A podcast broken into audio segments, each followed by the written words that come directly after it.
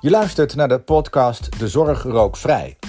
Een serie gesprekken met mensen uit de zorg over de dilemma's en pijnpunten die je zoal tegenkomt als je als zorgorganisatie rookvrij wordt. Welkom bij de uh, podcast over een rookvrije zorg. Vandaag spreek ik met Lisa Kruisheer. Ik ben Astrid Standhart, redacteur van de Nederlandse Vereniging van Ziekenhuizen. Lisa, zou jij je even willen voorstellen? Ja, uh, Lisa Kruisheer. Ik ben revalidatiearts in het Militair Revalidatiecentrum in Doorn. Nou, als revalidatiearts uh, zie jij patiënten vaak na de behandeling. Dus mensen die aan het herstellen zijn. En dan kom je erachter dat je een patiënt hebt die rookt. En nou gaat deze podcast over wat doe je dan als arts? Want uh, hoe ver ga je als revalidatiearts als je weet van nou, roken is slecht, dat staat het herstel in de weg en het maakt je misschien nog wel zieker. Uh, zeg je dan van goh, eigenlijk moet je stoppen of, of laat je het zo? Wat, wat, hoe reageer je op een patiënt die rookt? Ja, dat is best lastig af en toe. En het hangt ook een beetje af van wat voor patiënt je tegenover je hebt en wat voor soort revalidatietraject iemand volgt. Um, we hebben mensen namelijk die bij ons uh, klinisch opgenomen zijn um, en die revalideren. Uh, die komen bijvoorbeeld net uit het ziekenhuis, hebben net een ongeval gehad uh, met meerdere letsels. Um, of mensen hebben net een beroerte gehad. Um, maar we hebben ook militairen die in een soort dagbehandeling revalideren voor bijvoorbeeld hun rug. Sommigen zijn geopereerd, anderen niet. Dus de, de, het soort revalidatie verschilt heel erg. over het algemeen uh, zijn mensen die bij ons herstellen niet in de vrolijkste periode in hun leven, niet de beste fase. Dus de vraag is altijd, ja, stoppen met roken, ja, moet dat ook nog? Uh, dat is altijd een, een dilemma. En tegelijkertijd kan het soms ook juist een goed moment zijn om het aan te kaarten en juist iets te gaan veranderen. Alleen ja, de timing, wanneer doe je dat dan tijdens zo'n revalidatietraject? Dat kan, ja, dat is, dat kan uh, ja, lastig zijn. Ja, ja, snap ik. Want wat houdt je tegen om er niet iets van te zeggen? Ik kan me voorstellen dat er dus patiënten zijn waar je dus niet over stoppen met roken begint, als ik dit zo hoor. En wat, wat zijn dan de redenen om het niet te doen? Ja, nou wanneer het ter sprake komt, is meestal als je een eerste consult doet uh, of een eerste gesprek met iemand die net is opgenomen, waarbij je uitvraagt van nou rookt u? En als het antwoord ja is, uh, nou hoeveel rookt u? Uh, en vervolgens um, heb ik mezelf aangeleerd om de vraag te stellen, heeft u wensen om te stoppen met roken? En uh, dat blijkt best wel een uh, aardige openingszin te zijn, want dan merk je meteen hoe iemand erin staat. Als iemand zegt uh, nee, dat, nee, daar heb ik helemaal geen behoefte aan, dan ga je het vervolg anders doen dan dat iemand zegt ja, en ik heb al meerdere stoppogingen gedaan, maar het lukt me steeds niet. En ja, zo al doorpraten, dan weet je een beetje hoe, hoe zit iemand erin. Um, ik heb een paar jaar terug een cursus motivational interviewing gedaan, of oftewel motiverende gespreksvoering. En daarbij heb ik ook heel erg geleerd dat eh, voor gedragsverandering is het ook heel erg nodig dat iemand zelf ook verandertaal spreekt. Dus ook uitspreekt dat hij wil veranderen. Dus als mensen echt al uh, heel erg terughoudend zijn, dan is het de vraag hoe erg jij als hulpverlener je best moet doen om iemand te overtuigen van hè, dat het niet goed voor je is. Want het valt altijd op dat de mensen die wel zeggen dat ze niet willen stoppen met roken, wel heel goed weten dat het niet goed voor ze is. Ja, het is eigenlijk een soort van uh, antenne die je dan moet hebben van nou, bij deze persoon, die staat er wel voor open en deze persoon kan ik het gewoon beter niet uh, ja. doordrukken, zeg maar. Ja. Nou, wat ik net zei, de behandeling heeft al plaatsgevonden wanneer patiënten bij jou komen. Er kan vooraf dus geen zogenaamde eis meer gesteld worden aan stoppen met roken. Dat hoeft dus ook niet. Maar wat is dan de invloed van jou als revalidatiearts nog achteraf op het eventueel stoppen met roken? Wat, wat voor technieken of mechanismes zijn er die jij aan kan wenden? Ja. Het is altijd de vraag wat jij als arts direct daarop uh, invloed hebt. Um, wij, wij, ik werk in een multidisciplinair team met meerdere uh, therapeuten, waaronder ook uh, psychologen, maatschappelijk werkende, fysiotherapeuten, ergotherapeuten, om maar iets te noemen.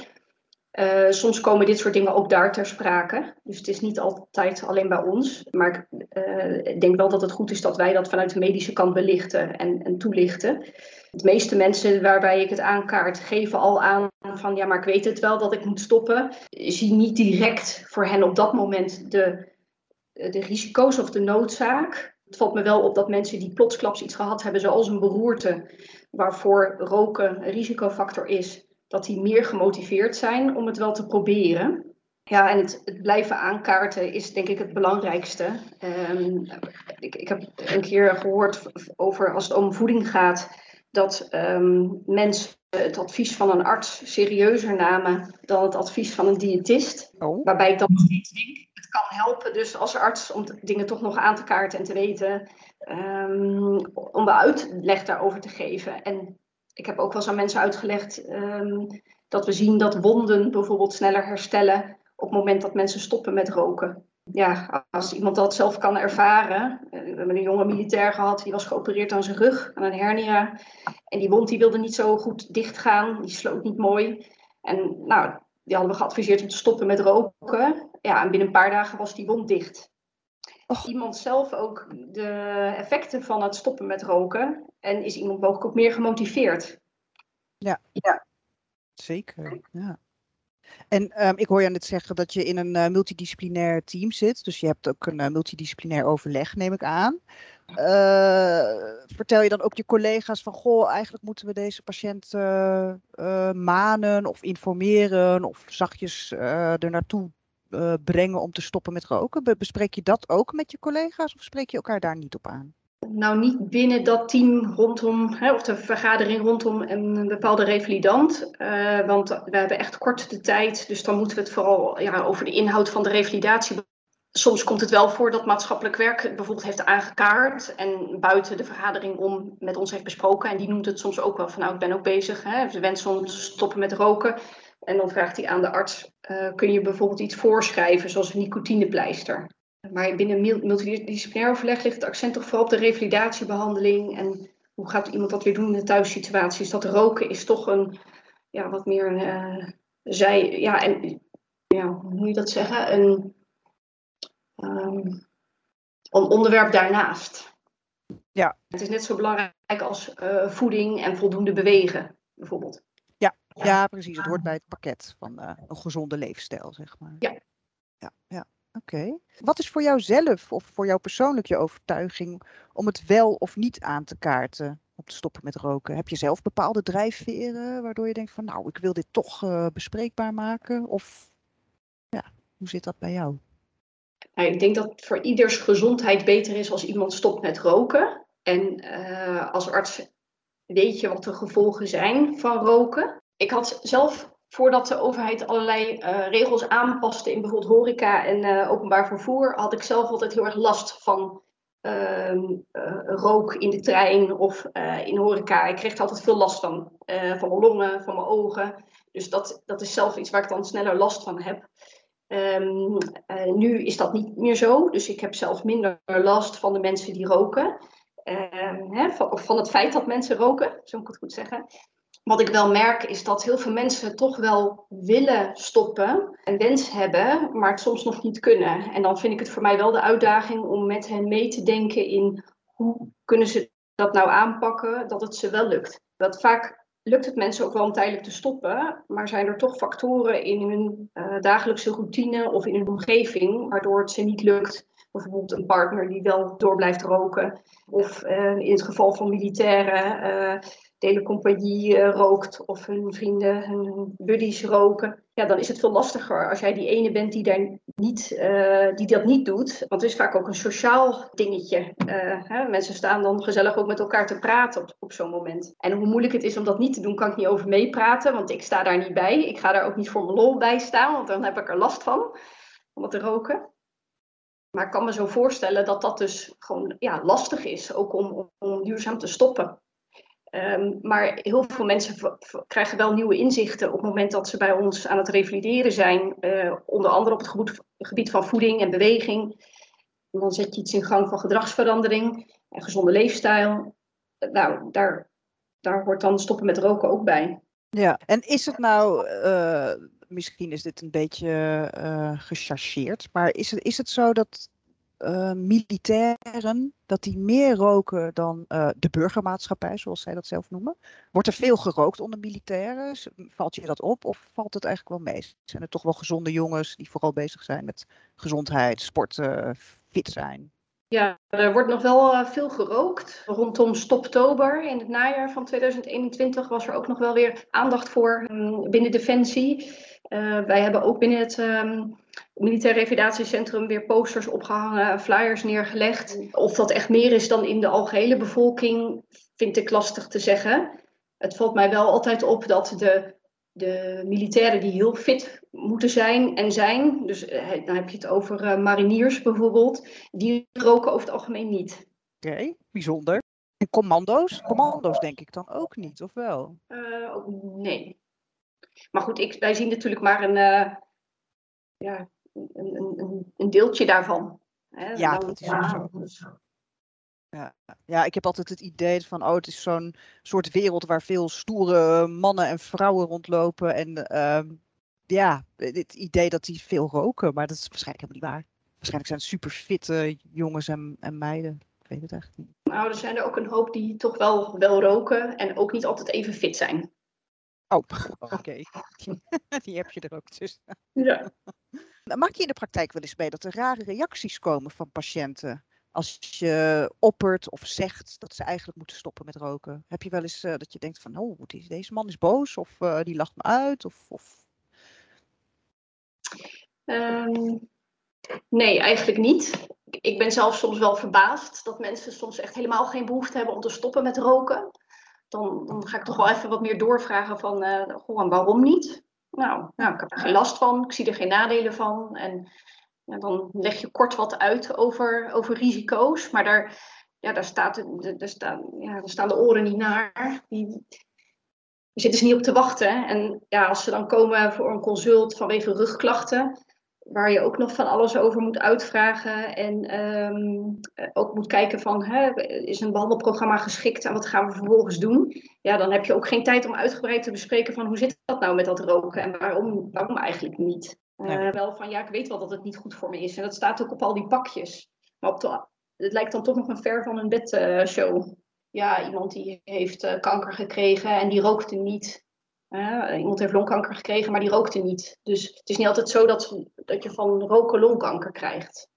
Om een voorbeeld te Nee, precies. Maar ja, het is natuurlijk wel een belangrijke factor voor als je wel rookt. Maar ja, nou ben ik al bij mijn laatste vraag aanbeland. Uh, hoe merk je dat niet-rokers beter uit behandelingen komen in de praktijk? Zojuist had je het over wonden, dat die beter genezen als je niet rookt. Dat is wel een hele duidelijke uh, nou ja, aanwijzing. Maar wat merk je nog meer uh, van mensen, het verschil tussen rokers en niet-rokers qua behandeling en hoe die eruit komen? Eigenlijk merk je daar niet zoveel verschillen tussen. Misschien in een stukje duur uithoudingsvermogen. Dat zou dan duidelijker zijn voor de sporttherapeuten bij ons die dan die verschillen zien. Maar ik ken ook een hoop fitte mensen die wel roken. Um, ja, hoeveel impact dan heeft. Ja, ik denk niet dat je direct kan zeggen dat roken een minder gunstige uitkomst geeft voor een revalidatiebehandeling. Ik, ik zie vaak wel, um, ik vind het moeilijk te beschrijven wat dat is. Als mensen roken, zie ik het vaak al helemaal aan hun uh, gezicht, uh, kleur. Ja, ik kan niet altijd helemaal omschrijven wat dat dan is. Uh, en dat hoeft nog niet eens te zijn dat ze een, rookgeur met zich meebrengen in de spreekkamer. Maar kan het toch vaak wel aan ze zien. Wat, wat grauwere kleur of wat bleker. Dat is, dat is het, maar dat is het enige. Ik zie ook wel dat sommige mensen die geven het ook toe. Die zeggen ik wil wel graag stoppen. Maar ik ben, ja, het is best een moeilijke situatie. Ik heb pittige gesprekken met de psycholoog. Um, en ik heb even dat rustmomentje nodig. En dan is die sigaret voor mij heel fijn dan kan ik wat stress afblazen. Dus daar heeft het ook een bepaalde functie. En daar waar mensen ervoor openstaan, kan je natuurlijk wel kijken van, goh, wat zou je anders kunnen doen hè, om met die stress om te gaan. En dat kan bijvoorbeeld ook een onderwerp van gesprek zijn bij de psycholoog of maatschappelijk werk. Ja, want die zullen ze dan waarschijnlijk uh, doorverwijzen naar een, een rookconsulent of de huisarts om te stoppen. Of inderdaad nicotinepleisters voorschrijven. Die, uh, die zullen dat dan oppakken. Want in feite ben jij degene die ze erop kan wijzen. Maar ja, echt daadwerkelijk keiharde actie ondernemen erop, die, ja, Dat, dat, dat kan je natuurlijk ook niet. Het is meer uh, een soort adviserende rol die je aanneemt, denk ik. Precies, ja. En dat heb ik wel geleerd van die motiverende gespreksvoering. Dat hoe vaker je er toch over begint en mensen dan zelf ook zeggen, ja, ik wil toch wel echt stoppen. Ja, misschien moet ik nu toch wel echt even actie ondernemen. Dat je dan kan kijken van, nou ja, wat, uh, wat zou dan een eerste stap kunnen zijn? Um, en, en dat dan iemand daarmee bijvoorbeeld naar de huisarts gaat om dat verder te bespreken. Dus ik zie mijn rol meer daarin, dat je even ja, naast die revalidant gaat staan van oké, waar sta je nu? Je hebt deze wens, hoe kun je daarmee verder? Ja, en dat je, dat je op een bepaalde manier dus hun gedrag probeert te beïnvloeden. Want dat, dat zei je ook, hè? Dat je dat uh, tijdens die uh, gesprekken ook probeert. Ja, het is het gedrag beïnvloeden. Ik denk vooral dat ze zelf inzicht krijgen in hun gedrag. En ook een, een je hoopt het dan denk ik, een wens krijgen om dat te veranderen. Maar je moet ja, eerst inzicht krijgen. Ja, je moet eerst in en dan heb je het in feite over een soort intrinsieke motivatie. Want ik denk als de roker het zelf niet wil, gaat het ook niet gebeuren. Nee. Denk ik. Nee. Oké. nee. Dus daar, daar moet je ook niet te hard aan willen trekken, denk ik. Nee. Nee, nee, nee. Het, het eerste is natuurlijk beter worden. Stoppen met roken is ook heel belangrijk, maar beter worden en goed revalideren, dat is natuurlijk uh, doel nummer één, denk ik. Oké, um, ik weet niet of je zelf nog iets uh, wilt melden over roken, niet roken. Of waar je allemaal tegenaan loopt. Ja, ik denk het interessante is dat je ook merkt dat er wel discussies zijn in het centrum zelf. Uh, van waar, heel praktisch, waar kunnen rokers roken? Uh, wij hebben zo'n plek, dat heet een rookabri, waar mensen kunnen. Die zit niet al te ver van de hoofdingang af. Er wordt ook gedacht aan om die te verplaatsen. Ehm, naar wat verderop in het terrein, zodat je het meer ontmoedigt om te gaan roken. En het valt me op dat sommige revidanten dat ook zeggen: van goh, het zou mij best wel helpen als dat ding veel verder weg staat, want dan ga ik het toch minder gauw doen. Uh, en er is zelfs gesproken over het helemaal weghalen. Maar dan kan, kan de consequentie zijn dat mensen voor de ingang bij het hek gaan staan roken. Uh, ja, dan, dat wil je liever ook niet. Hè? Is dat, uh, ja, het revalidatiecentrum, ja, dat is dat waar al die mensen altijd daar staan te roken bij de ingang. Ja, dat wil je niet. Nee. Nee, maar eh, dat, dus dat is wel wat je merkt van ja, je wilt aan de ene kant ontmoedigen. Ja, hoe doe, hoe doe je dat dan op een goede manier? Ja, ja, ja en zou het helpen om, om, om in, een, in een straal van 500 meter van het centrum uh, een, ja, een advies te geven van wij roken hier niet. Dit is een rookvrije omgeving. Zou dat, zou dat helpen? Dat je mensen ook kan aanspreken als ze wel staan te roken van goh, wilt u dit liever ergens anders doen? Ja, maar dan moet je daar dus ook op gaan uh, handhaven. En dan ook hè, iemand die normaal bij de receptie zit, dan ja, naar de voorkant van het terrein lopen. Bij ons is het best een groot terrein. Dus als je dat hele terrein uh, uh, ja, af moet gaan, dan vraagt dat ook weer extra werk. Ja, eigenlijk zou je dan iemand moeten aannemen die de hele dag loopt te handhaven. Dat kan natuurlijk ook weer niet. Nee, nee. nee. Nou, het is nog tobben, merk ik. Maar uh, ja. het is wel fijn dat er in ieder geval bij de rokers een soort van bewustzijn is van ja, ik wil eigenlijk ook wel stoppen en zet die abri maar ver weg. Dan ga ik misschien net die ene sigaret minder roken. Dus uh, dat, dat biedt wel een klein positief lichtpuntje misschien. Ja, en het valt me wel op dat mensen die, die toch graag wel willen en ook wel geprobeerd hebben, sommigen ook nog niet, die wel zeggen, ja, maar ik rook wel veel minder dan daarvoor. Door, al wel niet door ontmoedigingsbeleid. En nou, dat is natuurlijk ook wel een stap. Um, dus dat, uh, ja, en, en, de een kan nou eenmaal makkelijker stoppen dan de ander. Maar ik, ik denk het überhaupt benoemen en, en bij mensen die roken vragen, heb je ook wensen om te stoppen? Dat, dat, al een, dat zie ik als mijn belangrijkste rol, om daar wel iets aan, op door te vragen. Dat raad ik ook mijn collega's aan. Um, maar ik weet ook wel dat ze dat doen. Ja, dat biedt perspectief. Nou, bedankt voor je tijd. En, uh, heel veel succes met uh, alle werkzaamheden en het proberen te bemoedigen van stoppen met roken in het uh, militair centrum.